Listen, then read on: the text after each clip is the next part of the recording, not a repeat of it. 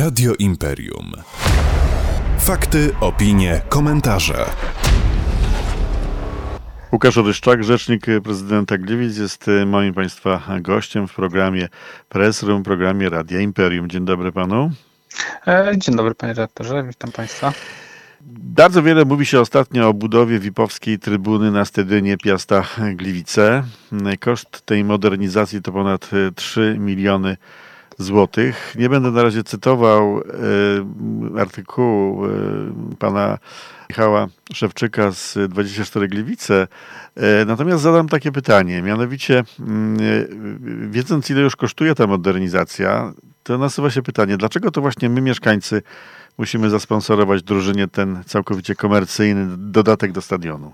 No i właśnie komercyjny i że mieszkańcy to jest bardzo dobry trop, w który pan uderza, bo ja przypomnę, że e, ten e, stadion jest, e, właścicielem stadionu jest spółka komunalna GAP i ten stadion jest przez Piasta wynajmowy, ten stadion wynajmuje dzierżawi Piast od tej spółki, ta spółka tym stadionem zarządza od już 10 lat ponad.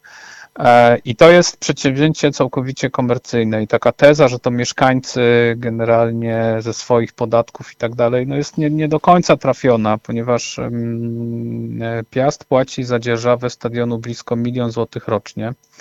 I GAP jako właściciel tego stadionu może w naszej ocenie dokonywać na nim inwestycji, które są faktycznymi inwestycjami, bo my często mówimy o, ty, o inwestycjach samorządowych, na przykład, nie wiem, plac zabaw jest inwestycją. I on jest oczywiście inwestycją, nie wiem, w komfort życia mieszkańców, zdrowie dzieci i tak dalej, i tak dalej. Natomiast jeżeli popatrzylibyśmy na to od strony takiej czysto biznesowej, to, to jest słaba inwestycja, bo to generuje tylko i wyłącznie koszty, no, utrzymanie tego placu zabaw, naprawy, malowanie, wymiana piasku i tak dalej. Natomiast tutaj mówimy o sytuacji, w której jakaś, powiedzmy, zgoda e, miasta jako właściciela GAPR-u na tą inwestycję wynikała z tego, że przedstawił e, klub e, taki biznesplan dotyczący tych lóż.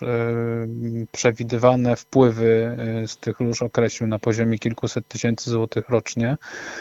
Ta inwestycja ma się zwrócić w ciągu 4-5 lat, zdaniem władz klubu, i później przynosić klubowi dochody.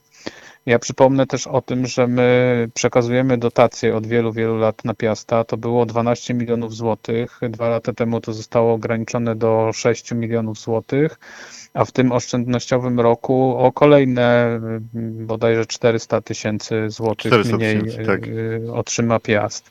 E, także sytuacja taka, w której no tą dotację, którą przeznaczamy z budżetu na funkcjonowanie Piasta, my sukcesywnie chcemy zmniejszać, stawia klub w takiej sytuacji, co jest naszym celem, żeby ten klub szukał dodatkowych dochodów, na przykład dodatkowych dochodów od y, biznesu, który te loże miałby wynajmować. Ten stadion powstał ponad 10 lat temu. W tej chwili nowe obiekty ekstraklasowe, które funkcjonują, wszystkie mają podział tej strefy VIP-owskiej nie na taką jedną dużą, jak jest w Gliwicach, tylko na osobne loże, które są wynajmowane firmą. Zdaniem e, władz klubu to dobrze funkcjonuje w innych klubach. To są rozwiązania, które oni pod, pod, podpatrzyli, zwrócili się do podmiotu, od którego dzierżawią stadion, przypomnę, za kwotę blisko miliona złotych rocznie, więc to nie są małe pieniądze. Samo, wszystkie koszty utrzymania stadionu są po stronie Piasta, to już jest z kolei kolejne ponad milion złotych, tam to dochodzi do w sumie do razem z tym czynszem do około 3 milionów. Także to jest przedsięwzięcie komercyjne, jak pan słusznie zauważył wykonane ze środków, e, w przeważającej mierze ze środków inwestycyjnych e, GAPR-u, który różne prowadzi. No ale GAPR to też spółka miejska, działania. bądź miasto tak, ma oczywiście, no, moglibyśmy generalnie te pieniądze, które GAPR na to przeznaczył, pobrać od GAPR-u w formie zysku na przykład, tak, i nie czynić tej inwestycji, ale powiem po raz kolejny, no po czterech latach ta inwestycja się zwróci, co czy po pięciu, e, w zależności czy uwzględniamy VAT, czy nie uwzględniamy VAT, już nie chcę tutaj generalnie w jakieś drobiazgi wchodzić i później będzie przynosić jakby przychód, jakby czysty zysk generalnie. Tylko wie pan Więc... co, tutaj chodzi jeszcze jedną kwestię, ja sobie pozwolę jeszcze zacytować e, pana Szewczyka z 24 Gliwice. Sowita, sowita dotacja dla Piasta na przebudowę strefy VIP w okresie głębokich oszczędności to kompletny brak wyczucia chwili przez urzędników który negatywnie no, wpłynie na wiarygodność ponieważ... całej narracji o trudnej sytuacji finansowej miasta. E, no, zrezygnowało miasto, samorząd zrezygnował z roweru miejskiego. Dzisiaj się o tym Zrezygnował samorząd z roweru miejskiego, jak się dzisiaj dowiedzieliśmy. To jest wydatek bieżący w budżecie, a to jest inwestycja ze środków spółki komunalnej. To jest naprawdę trochę inna kategoria wydatków i to jeszcze inwestycja, która ma się po latach zwracać. Tylko mnie chodzi, wie pan, mnie chodzi tutaj o to, że wszelkie oszczędności teraz, e, o których państwo mówicie, na pewno słuszne e, w dużej mierze, to jednak trochę bledną wobec tego, że nagle dajemy Piastowi ponad 3 miliony złotych. Nie, nie, to nie na, jest, nie, nie dajemy Piastowi 3 miliony złotych, bo nikt nie dał nic Piastowi, tylko właściciel stadionu wykonał, wykonuje inwestycje w ten stadion, która ma przynosić dochody.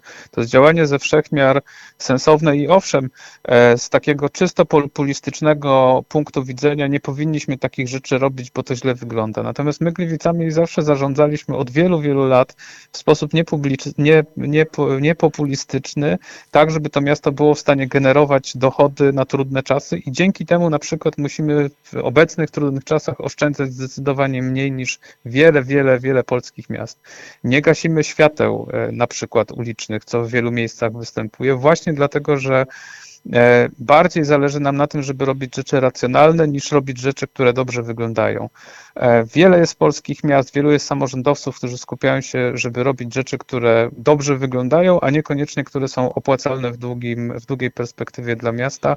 W Gliwicach ten e, sposób funkcjonowania, w którym my robimy rzeczy, które źle wyglądają, i ja się zgadzam z tym argumentem pana redaktora Szewczyka, który ten, że to nie wygląda generalnie najlepiej, ale to jest działanie, do którego jesteśmy przekonani o tyle, że, o, że y, ręczy klub za to, że będzie osiągał z tego tytułu. My ten klub z tego tytułu, z tych y, oczywiście zapewnie będziemy w całej rozciągłości rozliczać jako właściciel tego klubu. Natomiast to jest działanie racjonalne. Ono może być rzeczywiście komentowane, prawda, złośliwie, niezłośliwie. Ja nie mówię o tym, że pan redaktor Szewczyk jest złośliwy, broń Boże, nie o to mi chodzi. Chodzi mi raczej o jakieś takie komentarze gdzieś tam w artykułach, pod Facebookami i tak dalej. I każdy oczywiście ma pełne prawo sobie z tego tytułu różne złośliwości pod naszym adresem prawić, natomiast my się skupiamy naprawdę na tym, żeby racjonalnie tym miastem zarządzać i, i robimy rzeczy niepopularne nie od wczoraj. Ja przypomnę tylko, że to jesteśmy w mieście, w którym zostały zlikwidowane tramwaje, przez co na przykład płacimy za elektryczne autobusy w tej chwili kilka ładnych milionów mniej niż parę sąsiednich miast za zdezelowane tramwaje. To jeszcze tylko na koniec jedno per saldo, mhm. myślę, to miasto rozwija się naprawdę i to szereg obiektywnych wskaźników pokazuje o wiele lepiej niż wiele miast sąsiednich i to właśnie wynika z takiego podejścia, że, że e, mamy odwagę czasem zrobić coś, co może być krótkoterminowo odbierane jako niepopularne. Jeszcze tylko takie krótkie pytanie i bardzo bym prosił o krótką odpowiedź, bo, bo nam e, trochę mało czasu już mamy.